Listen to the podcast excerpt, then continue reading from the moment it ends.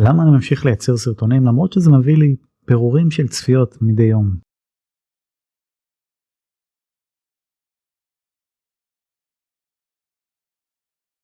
אז כן מי שעוקב כזה אחרי הערוץ רואה שסרטונים שאני מעלה לרוב מקבלים 30 40 50 צפיות. יש כאלה שמקבלים 100 200 או קצת יותר עם הזמן אבל הממוצע הכללי של רוב הסרטונים זה סביב כמה עשרות צפיות סך הכל. עכשיו אני לא מתרגש מהנתונים האלה. אני לא עושה פה תחרות עם אף אחד ואני לא בקטע של לספור צפיות כמדד עיקרי. מבחינתי יש כמה מטרות לסרטונים שאני עושה. אחד זה מטרה שיווקית, נוכחות בגוגל, מיתוג, מיצוב, דברים כאלה. שתיים זה להעביר את הידע. כן, יש פה גם מטרה אלטרואיסטית, זה לא רק נטו שיווק, אני אוהב להעביר את הידע הלאה, ואני אוהב להשאיר חותם ולתת ערך בעולם הזה. רוב הסרטונים שאני מייצר כנראה גם יישארו באינטרנט אחרי שאני כבר לא אהיה פה. אז זה גם סוג של מורשת דיגיטלית שאני משאיר לעולם ואני מבחינתי זה מטרה גדולה ויפה בפני עצמה. ושלוש אני מאוד מאמין באפקט ריבית דריבית וזה בא לידי ביטוי בהרבה דברים שאני עושה בחיים גם בהשקעות שוק ההון דברים כאלה וגם בקידום אורגני. זאת אומרת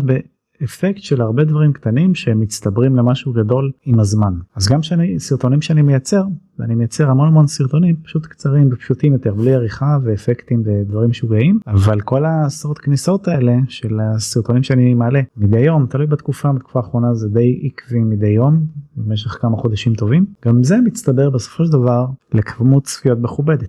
אז כשאני מסתכל בסטטיסטיקה הכללית שלי בערוץ יוטיוב אני מקבל קרוב לאלף צפיות מדי יום בכל מיני סרטונים שונים. לכן המספרים הנמוכים האלה לא באמת מרגשים אותי מבחינתי כל עוד יש צופים וזה מעניין אפילו אחוז קטן מהעוקבים כבר היה לי שווה לייצר את ה... התוכן הזה? אותו דבר גם עם אתר אינטרנט. אם תבדקו כמה צפיות אתם מקבלים פר עמוד באתר אתם תגלו שכנראה רוב הפוסטים שלכם מקבלים בין 0 ל-2-3 כניסות ביום. אבל גם כאן החוק הזה תקף. האפקט המצטבר של הריבית דריבית בסוף המספרים קטנים מצטברים למספרים גדולים והתועלת גדלה עם הזמן. תחשבו על זה בכל דבר שאתם עושים ומשקיעים זמן ומרץ ואנרגיה בחיים שלכם. שיהיה בהצלחה.